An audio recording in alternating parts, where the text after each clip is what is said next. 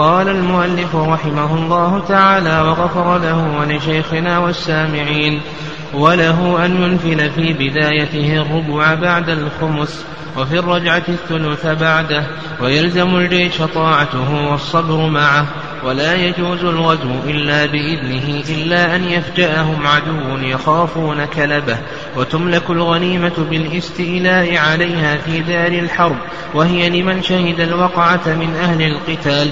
فيخرج الخمس ثم يقسم باقي الغنيمة للراجل سهم وللفارس ثلاثة سهم له وسهمان لفرسه ويشارك الجيش سراياه فيما غنمت ويشاركونه فيما غنم. والغال من الغنيمة يحرق رحله كله إلا السلاح والمصحف وما فيه روح. وإذا غنموا أرضا فتحوها بالسيف خير الإمام بين قسمها ووقفها على المسلمين. ويضرب عليها خراجا مستمرا يؤخذ ممن هي بيده. والمرجع في الخراج والجزية إلى اجتهاد الإمام. ومن عجز عن عمارة أرضه أجبر على إجارتها أو رفع يده عنها. تقدم تعريف الجهاد وذكرنا بأنه قتال كفار لتكون كلمة الله هي العليا. وذكرنا الأصل فيه من القرآن ومن السنة ومن إجماع العلماء. وذكرنا أيضا ما يتعلق بشروطه وأنه يشترط له شروط إذا كان تطوعا.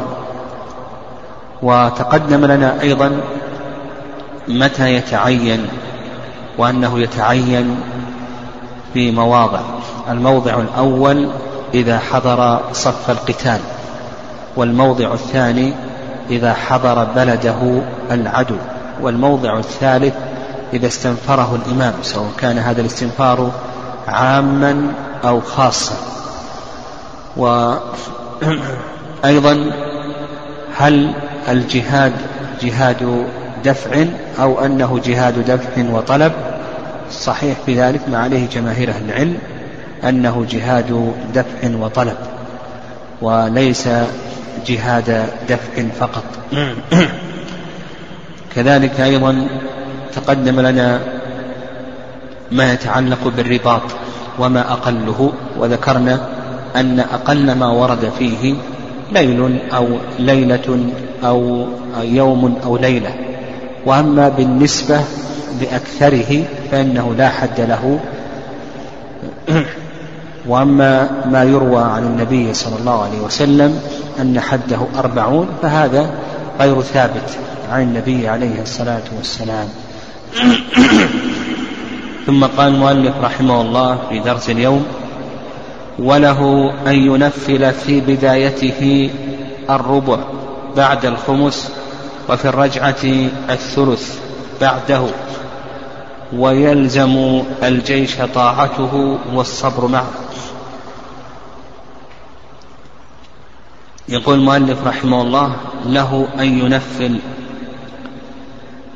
النفل في اللغة الزيادة وأما في الاصطلاح فهو ما يعطاه المجاهد زيادة على سهمه ما يعطاه المجاهد زيادة على سهمه. والنفل ينقسم إلى ثلاثة أقسام. القسم الأول بينه المؤلف رحمه الله تعالى بقوله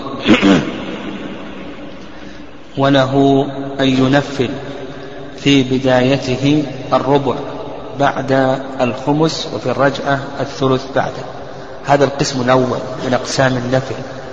القسم الأول من أقسام النفل أنه ينفل في البداية الربع بعد الخمس. وفي الرجعة الثلث بعد الخمس. وكيف ذلك؟ يعني إذا خرج الإمام في الغزو إذا خرج في القتال في قتال كفار فإنه يبعث سرية. فما غنمته هذه السرية يخرج الخمس. يخرج خمس هذه السرية. ثم بعد ذلك يعطي هذه السرية ما دام أنه في البداية ربع ما غنمته والباقي يقسم على جميع الجيش. وفي الرجعة إذا رجع قاتلا من القتال فإنه يبعث سرية. وما تغنمه هذه السرية يخرج خمسه. ثم بعد ذلك يعطي هذه السرية الثلث بعد الخمس. يعني الخمس يخرجه يبقى أربعة يبقى أربعة أخماس يعطي هذه السرية الثلث. ثم يقسم الباقي في الجيش. ويدل لهذا نعم يدل لهذا حديث حبيب بن سلمة نعم حديث ابن مسلمة أنه قال شهدت رسول الله صلى الله عليه وسلم نفل الربع في البداءة والثلث في الرجعة. حديث حبيب بن مسلمة رواه أبو داود قال شهدت رسول الله صلى الله عليه وسلم نفل الربع في البداءة والثلث في الرجعة. وهذا الحديث رواه أبو داود وصححه ابن حبان والحاكم. وهذا ما ذهب إليه المؤلف رحمه الله وهذا هو القسم الأول من أقسام النفل. والرأي الثاني عدم التحديد يعني لو أن الإمام بعث سرية في البدء أو بدأ بعث سرية في الرجعة ثم بعد ذلك غنمت فإنه ينفرها يعطيها زيادة على سهامها دون أن يكون ذلك محددا بالربع أو الثلث. هذا هو الرأي الثاني. واستدلوا بحديث ابن عمر رضي الله تعالى عنهما في الصحيحين. أن النبي أن أن النبي صلى الله عليه وسلم نفلهم بعيرا بعيرا. النبي صلى الله عليه وسلم نفلهم بعيرا بعيرا. ويظهر والله أعلم أن هذه المسألة من مواضع الاجتهاد يعني يرجع فيها إلى اجتهاد الإمام. وكونه نفل في البدء الربع وأما في الرجعة فنفلهم الثلث. يعني ما الفرق؟ أو لماذا حصل هذا الفرق؟ أو ما الحكمة من التفريق بين البدءة وبين الرجعة؟ الحكمة في ذلك يقول العلماء رحمهم الله أنه في البدءة الجيش معاضد لهذه السرية فاستحقت الربع. أما في الرجعة فإن الجيش تخلى عنها فاستحقت الثلث استحقت أكثر من ذلك. القسم الثاني من أقسام النفل أن ينفل الإمام بعض المجاهدين لما حصل منه من بلاء أو غناء أو شدة بأس ونحو ذلك. ويدل ذلك ما تقدم من حديث ابن عمر رضي الله تعالى عنهما أن النبي صلى الله عليه وسلم نفلهم بعيرا بعيرا وسلم بعث سرية قبل نجد بعث سرية قبل, قبل نجد فبلغت سهامهم فيها اثني عشر بعيرا ونفلهم بعيرا بعيرا. خرجاه في الصحيحين. القسم الثالث الجعل. يعني القسم الثالث الجعل من أقسام النفل الجعل. وذلك بأن يقول الإمام من عمل كذا فله كذا من فتح الحصن الفلاني فله كذا من دخل على العدو في الليل فله كذا وكذا إلى آخره. قال المؤلف رحمه الله ويلزم الجيش طاعته والصبر معه. يلزم الجيش طاعة الإمام والصبر معه ويدل لذلك قول الله عز وجل يا أيها الذين آمنوا أطيعوا الله وأطيعوا الرسول وأولي الأمر منكم. وأيضا الاختلاف والشقاق سبب للفشل والهزيمة كما قال سبحانه وتعالى ولا تنازعوا فتفشلوا وتذهب ريحكم يعني قوتكم. لا شك أن سبب أن من أعظم أسباب الهزيمة هو الشقاق والخلاف والتفرق ومن أعظم أسباب النصر الاتحاد وعدم الفرقة. ولهذا إذا تأملت شرائع الإسلام تجد أنها كلها تدعو إلى الوحدة. انظر إلى الصلاة الزكاة والصيام الصلاة تدعو إلى الوحدة. الناس يصلون خلف إمام واحد يتجهون إلى قبلة واحدة ويعبدون ربا واحدا. والزكاة تدعو أيضا إلى الوحدة وعدم الفرقة. فالغني يعطي شيئا من ماله لأخيه الفقير فيستل ما قد يكون في قلبه عليه. في فيؤدي ذلك إلى التآلف. والتحاب. انظر أيضا إلى الصيام. تذكر الغني إخوانه الفقراء فيبادر إلى مواساتهم إلى آخره فيحصل بذلك التآلف. انظر إلى الحج وكيف يكون الناس في لباس واحد وفي مكان واحد وفي زمان واحد إلى آخره. وانظر أيضا المعاملات. لا يبيع على بيع أخيه ولا يشتري على شرائه ولا يسوم على سومه لا تدابروا ولا تباغضوا ولا تحاسدوا وكونوا عباد الله إخوانا كل هذه يعني إذا تأملت كل تشريع الإسلام الشرائع في الإسلام تجد أنها تدعو إلى عدم الفرقة والاختلاف لأن هذا من أعظم أسباب الفشل والضعف. بخلاف الاتحاد هذا من أعظم أسباب القوة ولهذا أعداء الإسلام لما أدركوا مثل هذا الأمر سعوا إلى تفريق المسلمين وفرقت فرق المسلمون إلى دويلات صغيرة إلى آخره. وهذا مما يكون سببا في الضعف. قال المؤلف ولا يجوز الغزو إلا بإذنه إلا أن يفجأهم عدو يخافون كلب. نعم يقول المؤلف رحمه الله لا يجوز الغزو يعني قتال الكفار إلا بإذن الإمام الأعظم لأن هذا من مسؤولياته وهذا من وظائفه إلا أن يفجأهم عدو يخافون كلبه يعني يخافون شره وأذاه. فالمصلحة أن تتعين لأن هذا يكون من قبيل الدفع دفع الصائل. نعم. ولأن آه الانتظار إلى إذن الإمام هذا يترتب عليه مفسدة. قال المؤلف رحمه الله وتملك الغنيمة بالاستيلاء عليها في دار الحرب. الغنيمة هي ما أخذ من أموال الكفار. قهرا بقتال. الغنيمة ما أخذ من أموال الكفار قهرا بقتال. يقول لك المؤلف رحمه الله تملك الغنيمة بالاستيلاء عليها وهذا قول أكثر أهل العلم بمعنى أن المسلمين إذا استولوا على شيء من أموال الكفار فإنهم يملكون هذه الأموال. وتخرج من ملك الكفار. ويترتب على ذلك.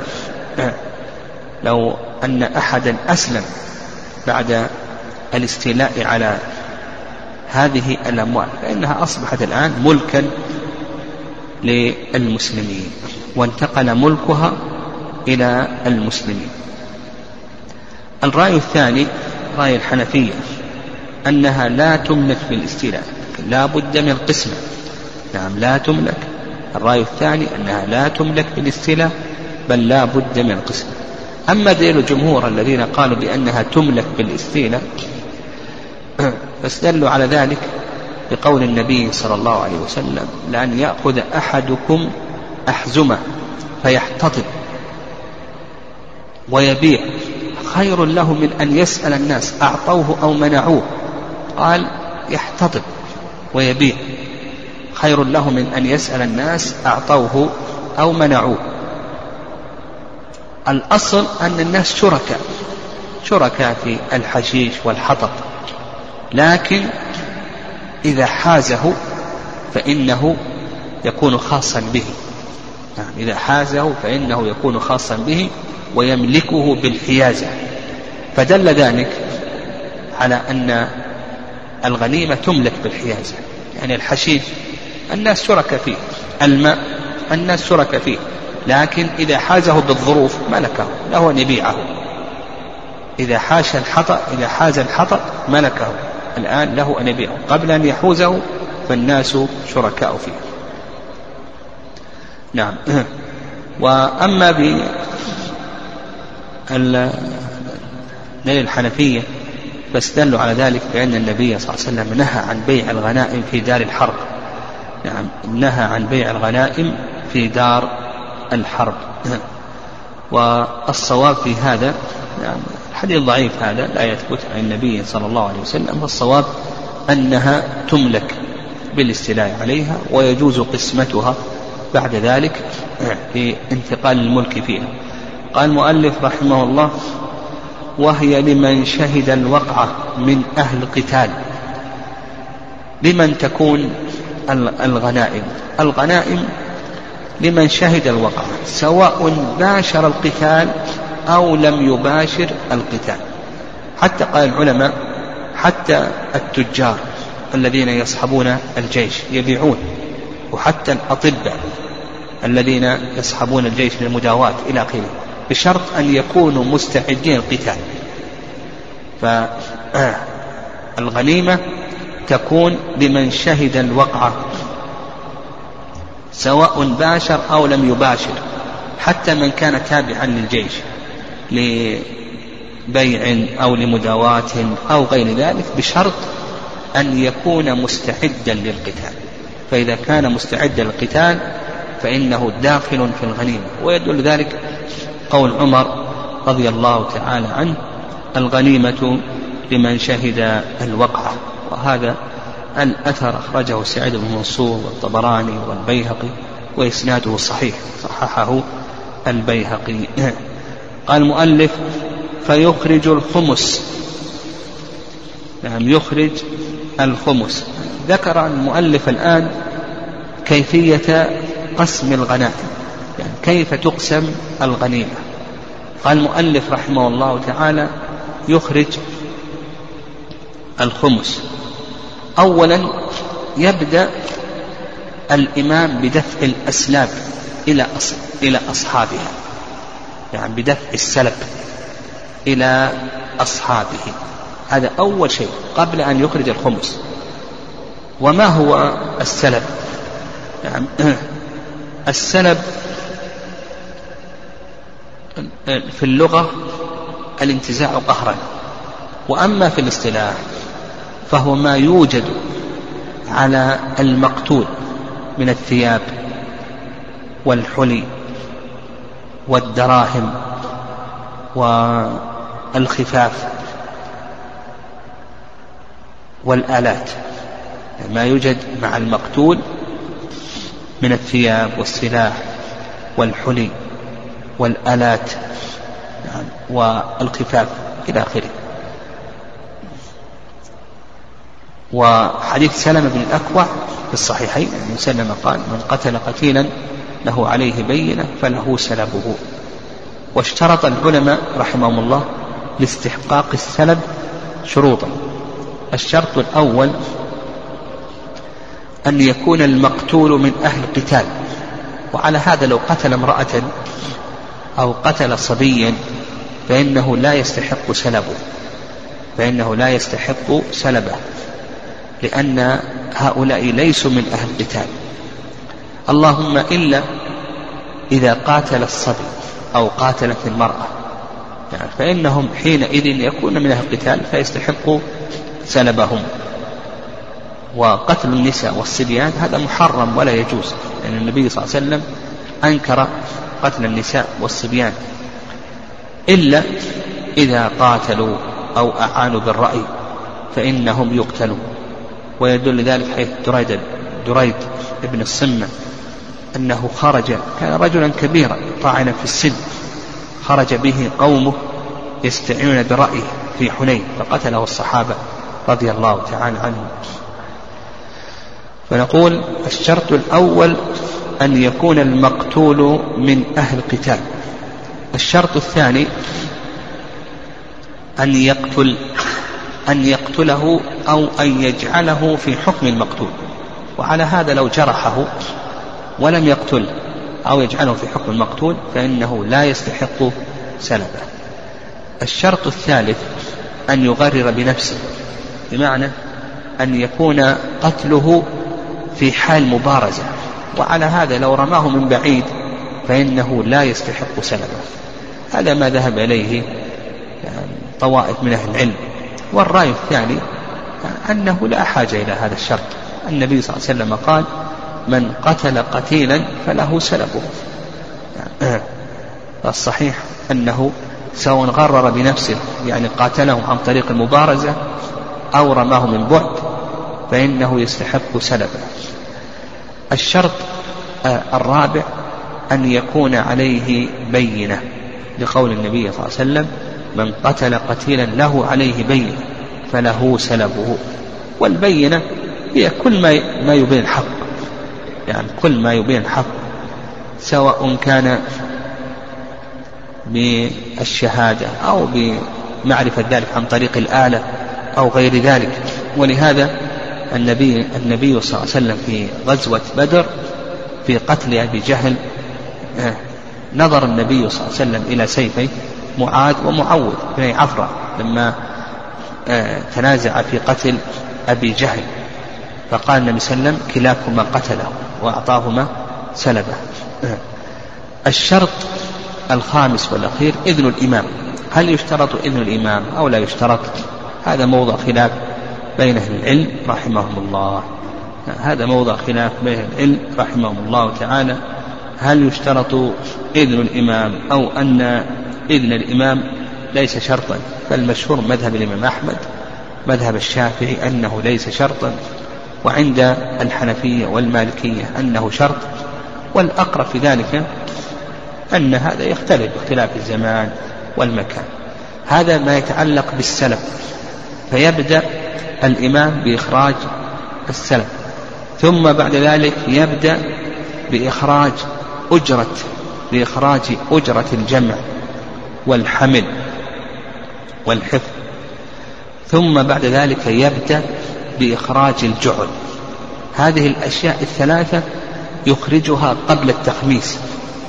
يخرج السلب والأجرة لحمل وحفظ وكذلك أيضا يخرج الجعل. يخرج هذه الأشياء الثلاثة قبل التخميس. ثم بعد ذلك يخمس الغنيمة. يقسم الغنيمة خمسة أقسام يخرج القسم الأول يعني يخرج القسم الأول ويقسمه خمسة أقسام يعني ويبقى عندنا أربعة أخماس عندما يخمس الغنيمة يجعل الغنيمة خمسة أقسام يخرج الخمس الأول ويقسمه كم؟ ها؟ خمسة أقسام كما قال الله عز وجل في الآية واعلموا أن ما غنمتم من شيء فأن لله خمسه وللرسول ولذي القربى واليتامى والمساكين وابن السبيل. فيقسمه خمسة أقسام. الخمس الأول وهو خمس الخمس لله ولرسوله. خمس الأول وهو خمس الخمس يكون لله ولرسوله صلى الله عليه وسلم. ومصرفه كالفيل يعني يصرف في مصالح المسلمين.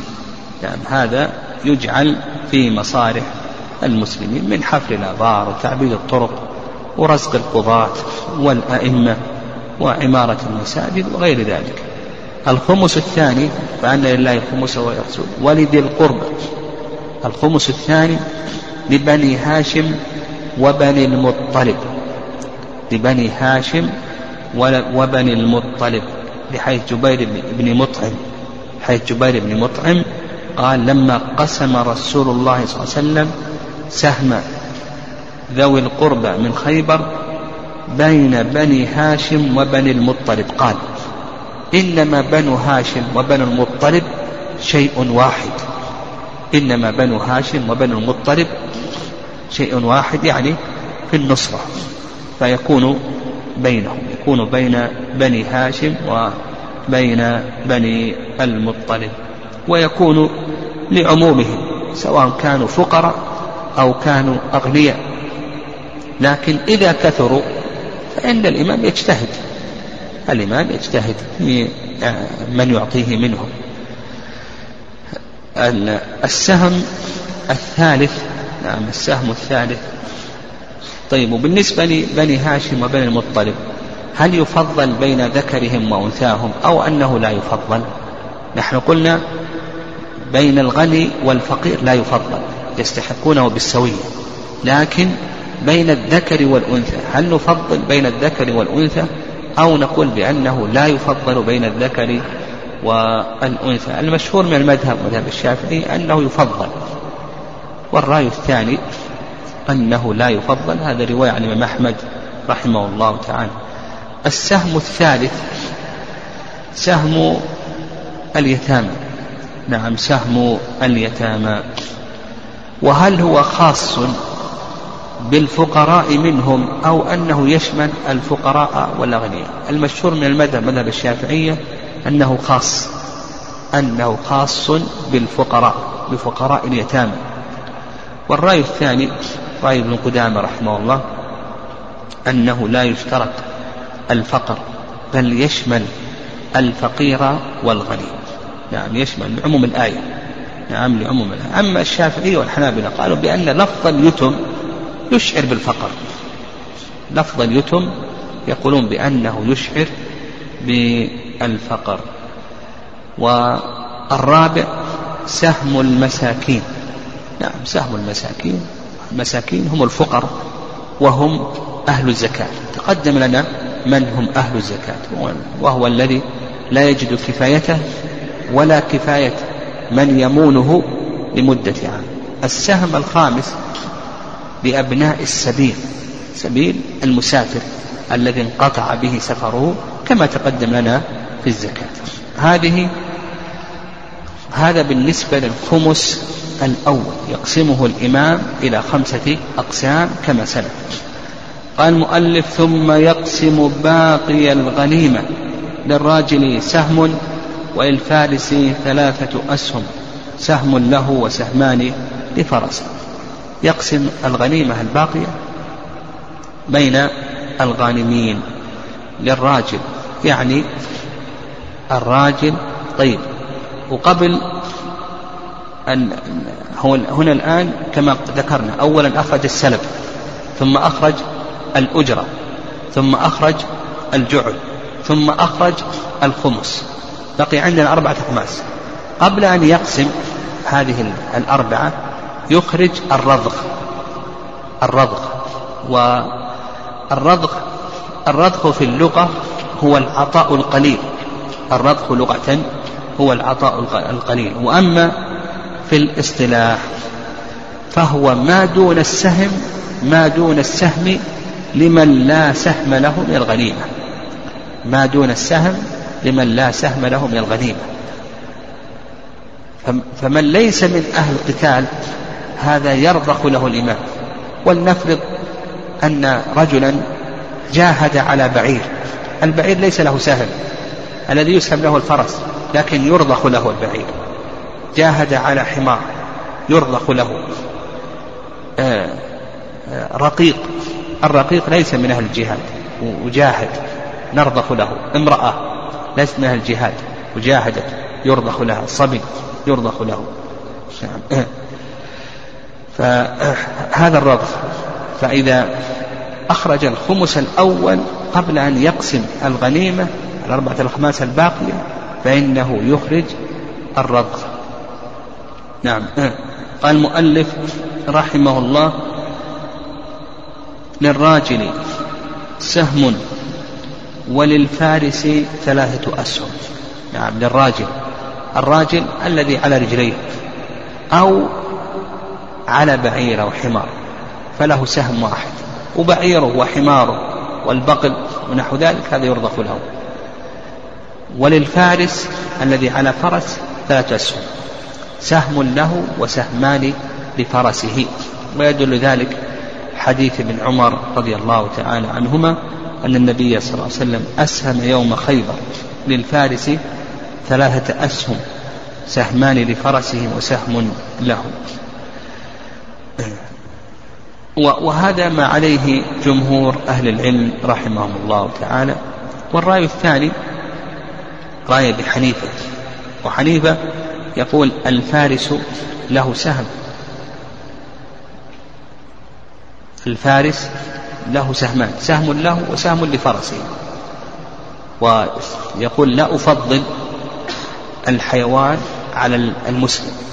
يعني لا أفضل الحيوان على المسلم. لكن هذا فيه نظر. هذا نظر في مقابلة الأثر. ولا نظر في مقابلة الأثر. ما أنه جاء الأثر فإنه لا نظر.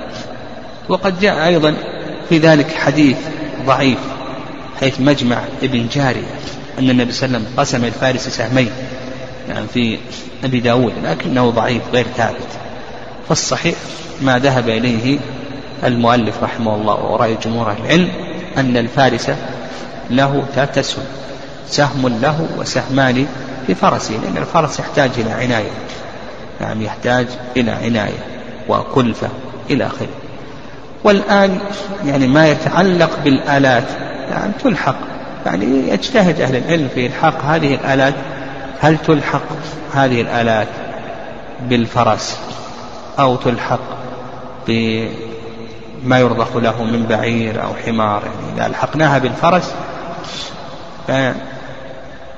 لها لها سهمان. وإن ألحقناها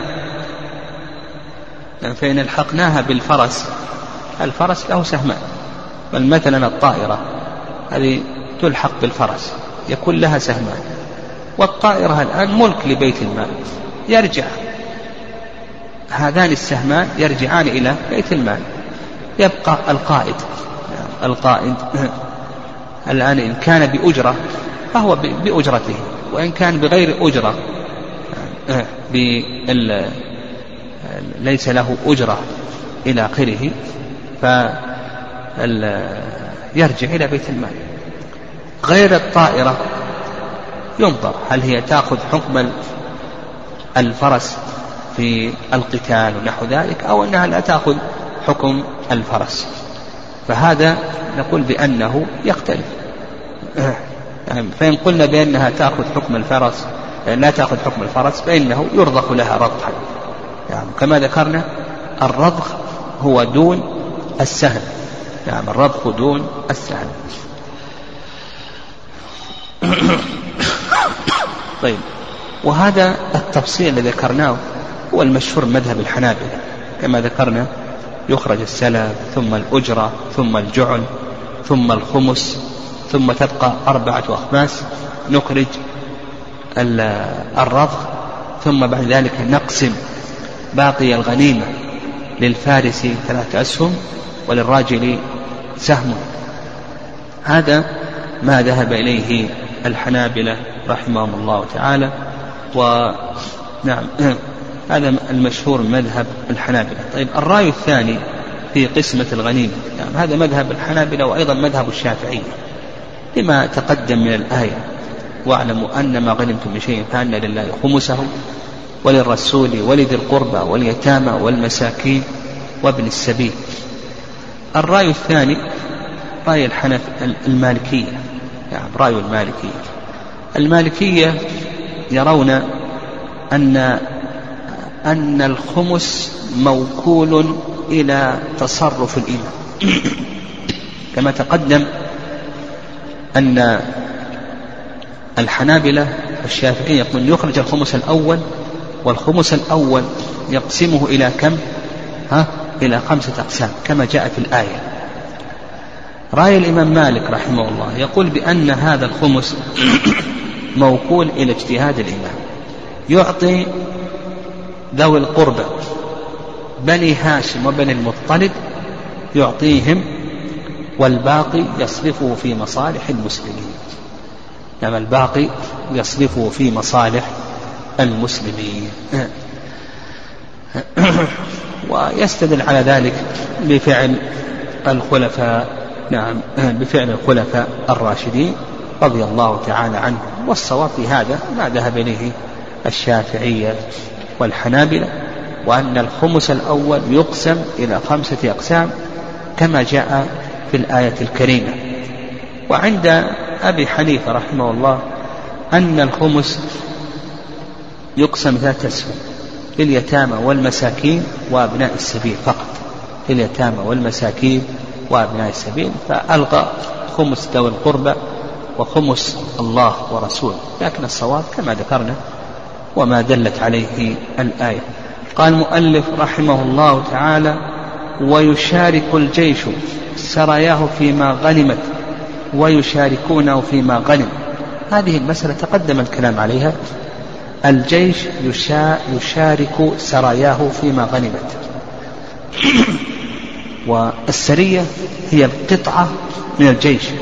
وتقدم لنا أن الإمام يبعث سرية في البدء ويبعث سرية في الرجعة. وأنه إذا بعث سرية في البدء فما غنمت فإنه يخرج الخمس ولها الربع. ثم الباقي يقسم على الجيش. هنا الجيش شارك هذه السرية فيما غنمت وفي الرجعة يبعث الإمام سرية. فيخرج الخمس. ثم بعد ذلك يكون لها الثلث. والباقي يقسم في الجيش كله. فهنا الجيش شارك هذه السرايا فيما غنمت كذلك أيضا السرايا تشارك الجيش فيما غنم فلو أن الإمام بعث سرية والجيش قاتل وغنم فإن هذه السرية تكون داخلة مع الجيش فيما غنم فيما غنم من غنيمة من غنيمة.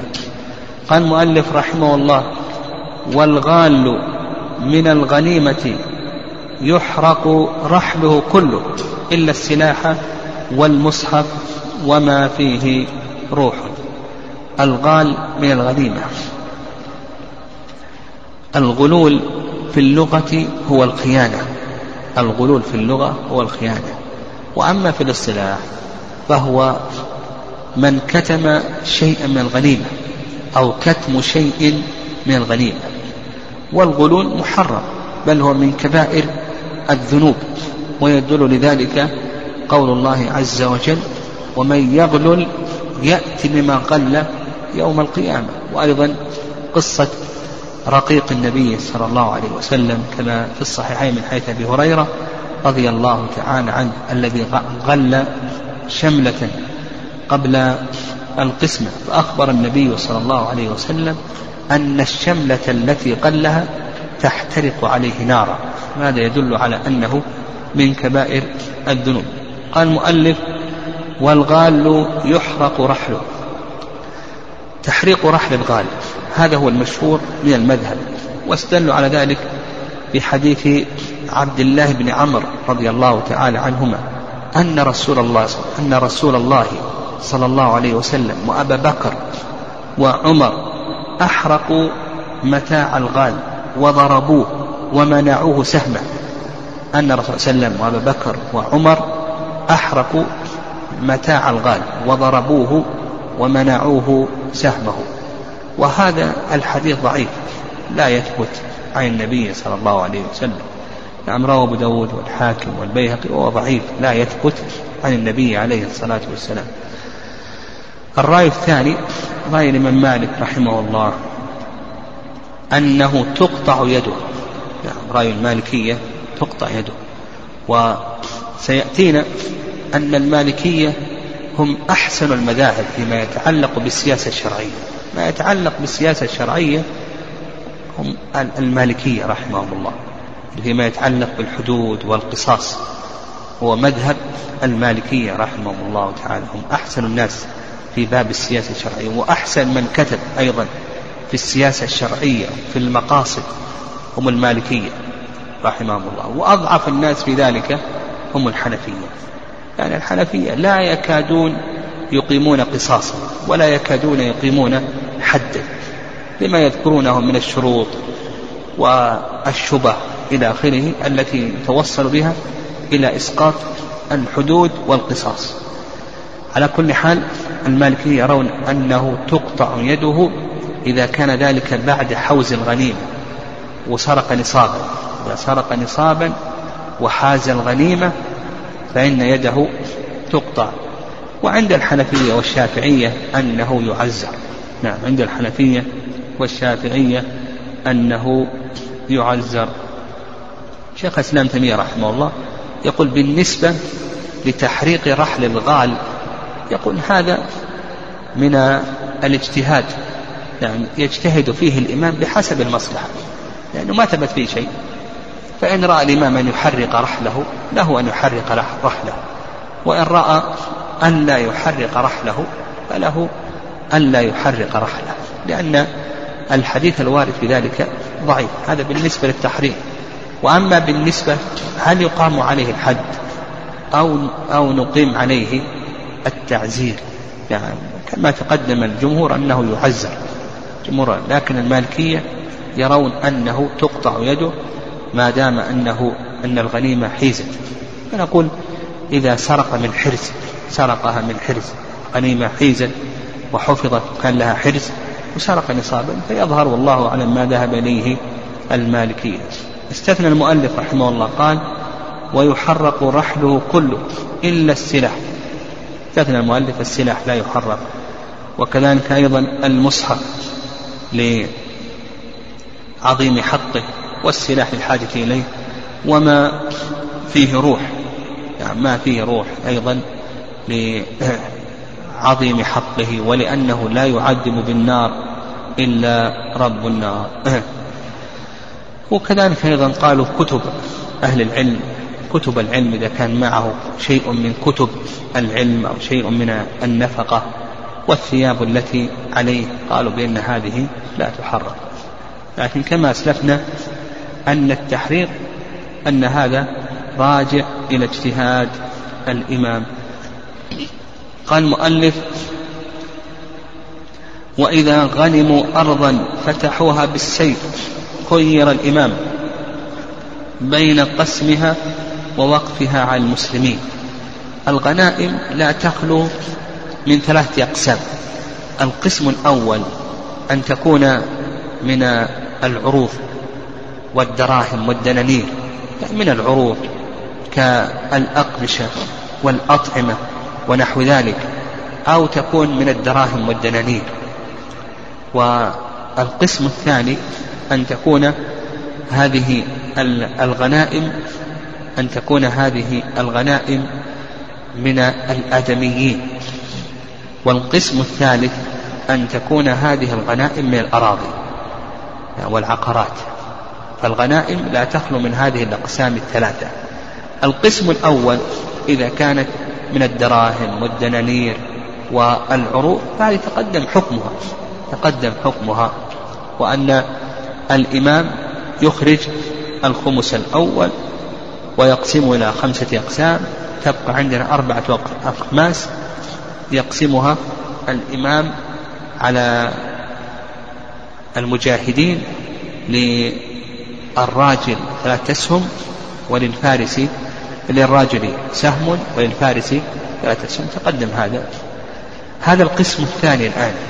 إذا كانت الغنيمة من الأرض إذا كانت الغنيمة من الأرض أو من العقار ونحو ذلك فكيف ذلك؟ قال لك المؤلف رحمه الله وإذا غنموا أرضا فتحوها بالسيف.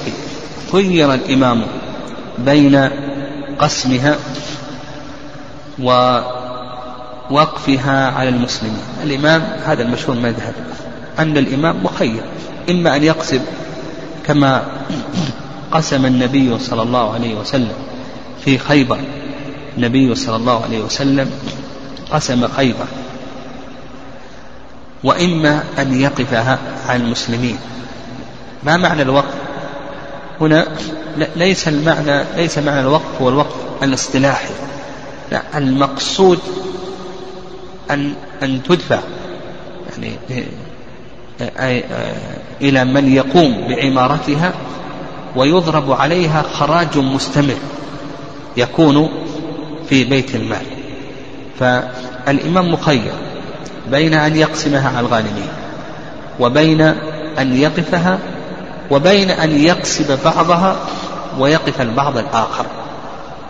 واستدلوا على ذلك النبي صلى الله عليه وسلم قسم في خيبر وعمر رضي الله تعالى عنه, عنه وقف أرض السواد أرض العراق وأرض الشام ومصر وقفها عمر رضي الله تعالى عنه بمعنى أنها تدفع إلى من يقوم بعمارتها ويدفع عليها خراجا مستمر يضرب عليه الإمام خراج مستمر. تعمرها تدفع العشر الربع إلى آخره. نعم. كما سيأتي إن شاء الله. هذا المشهور من مذهب الإمام أحمد رحمه الله تعالى. عند الشافعية أنه يجب فيها القسم وعند المالكية أنها تكون وقفا. لكن الأقرب في ذلك الحنابلة الحنابلة جمعوا بين الرأيين.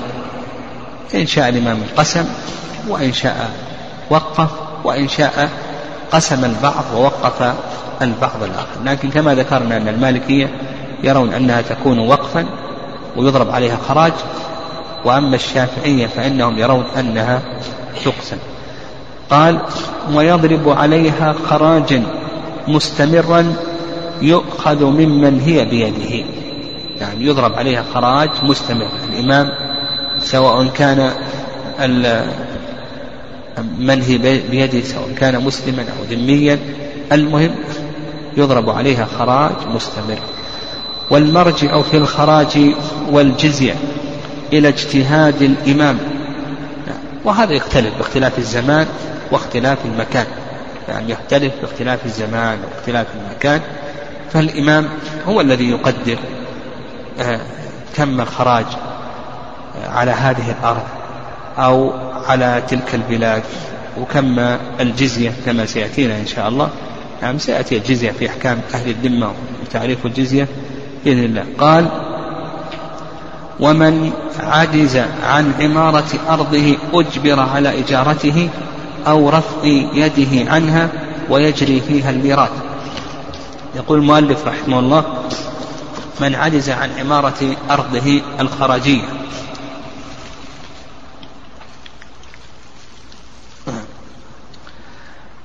أجبر على إجارتها أو رفع يده, يده, يده عنها لأن الأرض للمسلمين فلا يجوز تعطيلها ولأنه تنتفي الحكمة من توقيف هذه الأرض يعني من توقيف الأرض.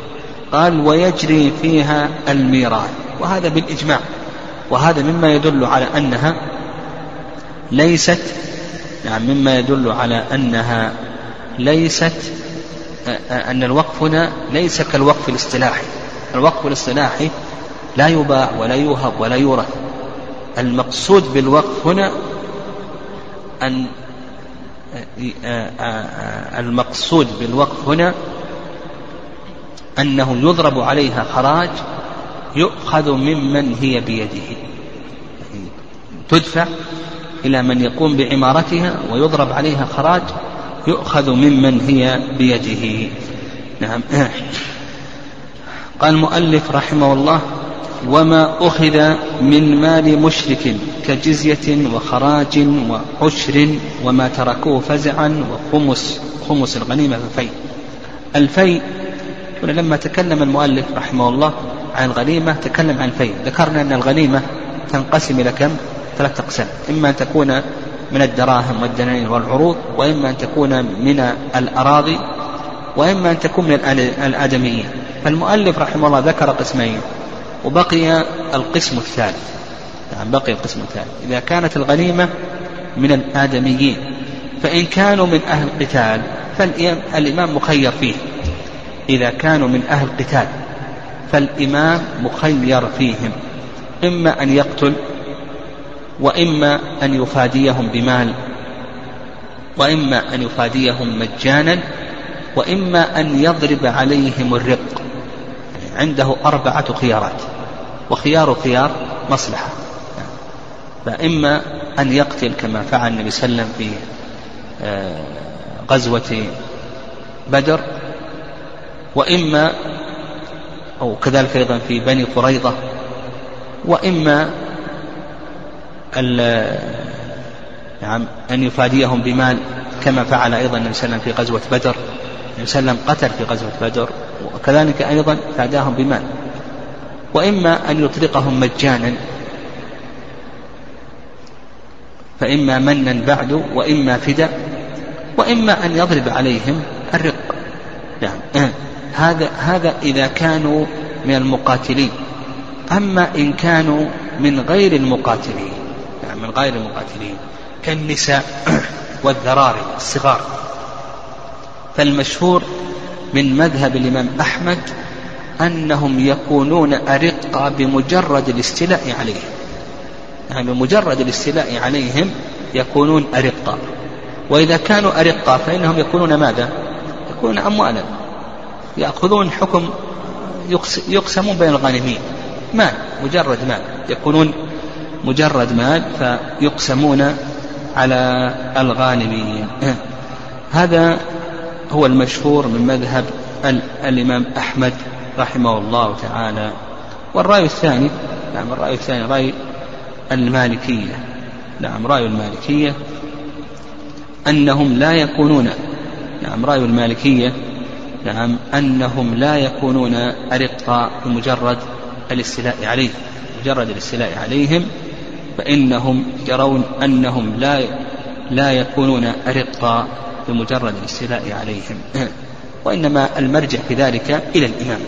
يعني المرجع في ذلك إلى الإمام. قال المؤلف رحمه الله تعالى وما أخذ من مال مشرك كجزية إلى آخره. الفيء. هنا شرع المؤلف رحمه الله تعالى في أحكام الفيء. والفيء في اللغة الرجوع. وأما في الاصطلاح فهو ما أخذ من مال الكفار بلا قتال. ما أخذ من مال الكفار بلا قتال. وذكر المؤلف رحمه الله رحمه الله له صور. قال لك وما أخذ من مال مشرك كجزية. الجزية هنا أخذ من مال الكفار بلا قتال. وسيأتينا إن شاء الله ما يتعلق بأحكام الجزية. وخراج العوض المضروب على الأرض الخراجية. هذا أخذ من مال الكفار بلا قتال. وعشر. نعم عشر أو نصف العشر. يعني إذا اتجر إلينا الحربي نأخذ عشر تجارته. أو نصف العشر. إذا اتجر ذمي اتجر بلاد المسلمين فإن الإمام يأخذ نصف العشر. يعني وما تركوه فزعا.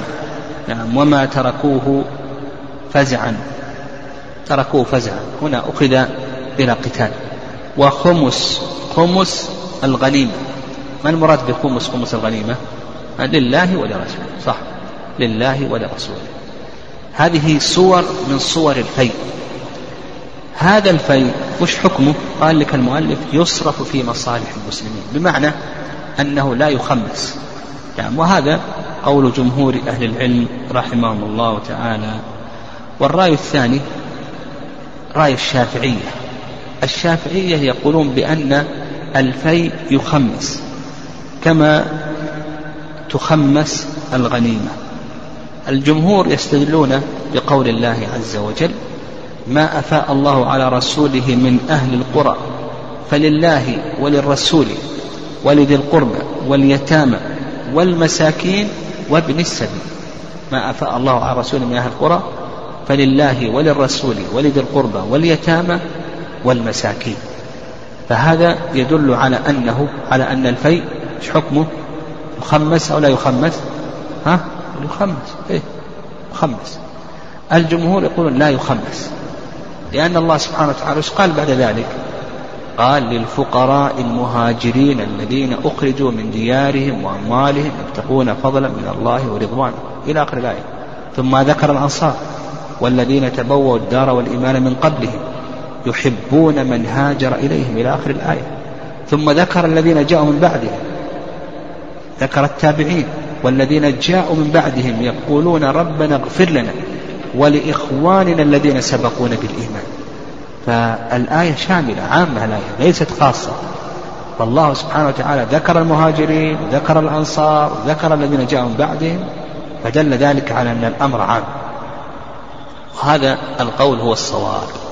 نعم هذا القول هو الصواب في هذه المسألة وأنها أن الفيء لا يخمس وهو وأنه يصرف في مصالح المسلمين.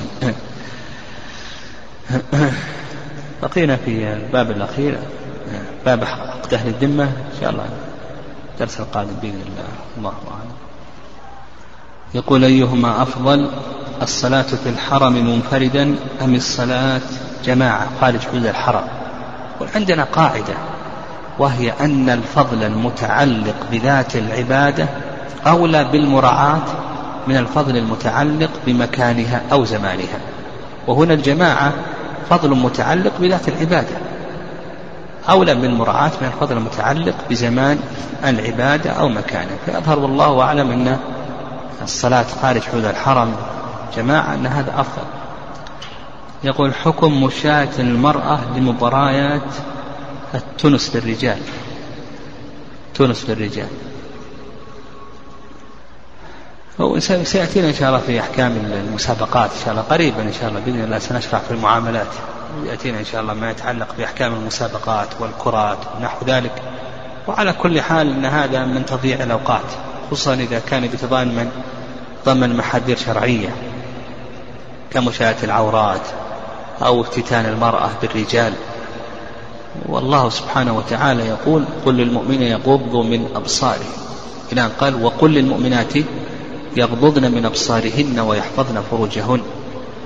فالمرأة مأمورة بغض البصر خصوصا مثل هؤلاء وأيضا يترتب على ذلك مفسدة أخرى وهي أن هؤلاء يعني كفار ظهرهم كفار ها؟ كفار يؤدي إلى العجب بالكفار ومحبتهم. وذكر شيخ الإسلام ابن تيمية رحمه الله أن نعم أن المشاكلة في الظاهر تؤدي إلى المحبة في الباطن تعلق القلب. فالإنسان عليه أنه يحفظ دينه يعني يحفظ دينه. وهذه من الفتن التي يرقق بعضها بعضا. يقول إذا قال العاقد أنه قد دخل بالمعقودة عليها كذبا ثم طلقها بعد أن خلى بها فهل يحق لها المهر كاملا؟ نقول نعم يعني يحق لها المهر كاملا. إذا دخل بها يعني وطئ أو خلى بها أو كما قال الإمام أحمد الإمام أحمد رحمه الله قال كلمة قال إذا استحل منها ما لا يحل لغيره وجب لها المهر كاملا. إذا استحل منها ما لا يحل لغيره نقول بأن المهر يجب لها كاملا. نعم.